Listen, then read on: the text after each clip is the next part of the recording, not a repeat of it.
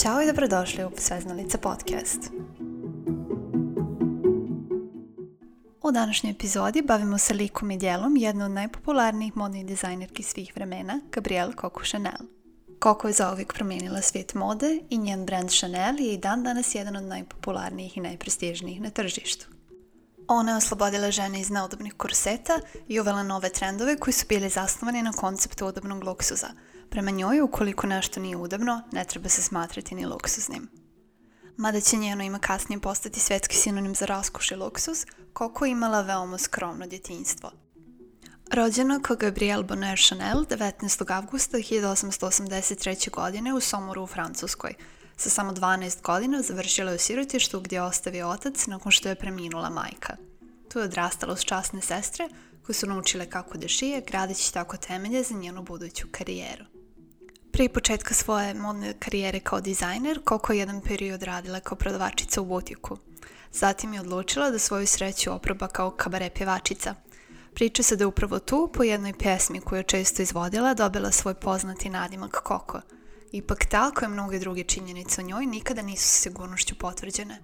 Koko je često pričala različite verzije svoje istorije i iza nje su ostale brojne priče koje je teško potvrditi.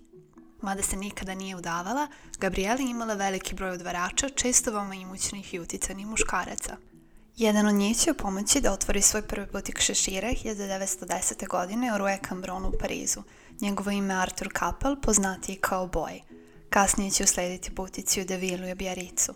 Chanel ubrzo u svojim radnjama počinje da pored šešira prodaje jednostavne modele od žerseja i upravo će ti udobni modeli koji odbacuju stege korseta doneti bogatstvo i svetsku slavu njen biznis postiže uspeh od početka i koliko nastavlja da gradi i širi svoju imperiju. Tokom svoje karijere ona je razvila prepoznatljiv stil i bila je prva koja između ostalog napravila parfem sa svojim imenom. Chanel broj 5 je i dan danas jedan od najpoznatijih i najpredavanijih parfema na svetu.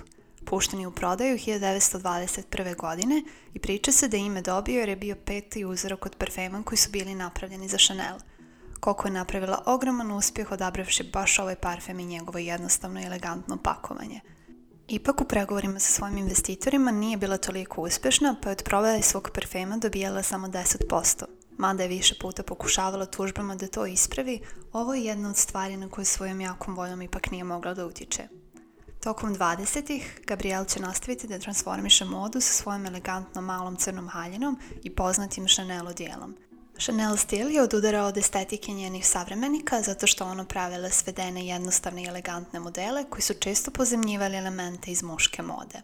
Mada je njen brand bio veoma uspešan, kasnim 1930. im Chanel ipak mora da zatvori svoju radnju pred početak drugog svjetskog rata. Otpušta svoje radnike i sama se seli u Hotel Ritz.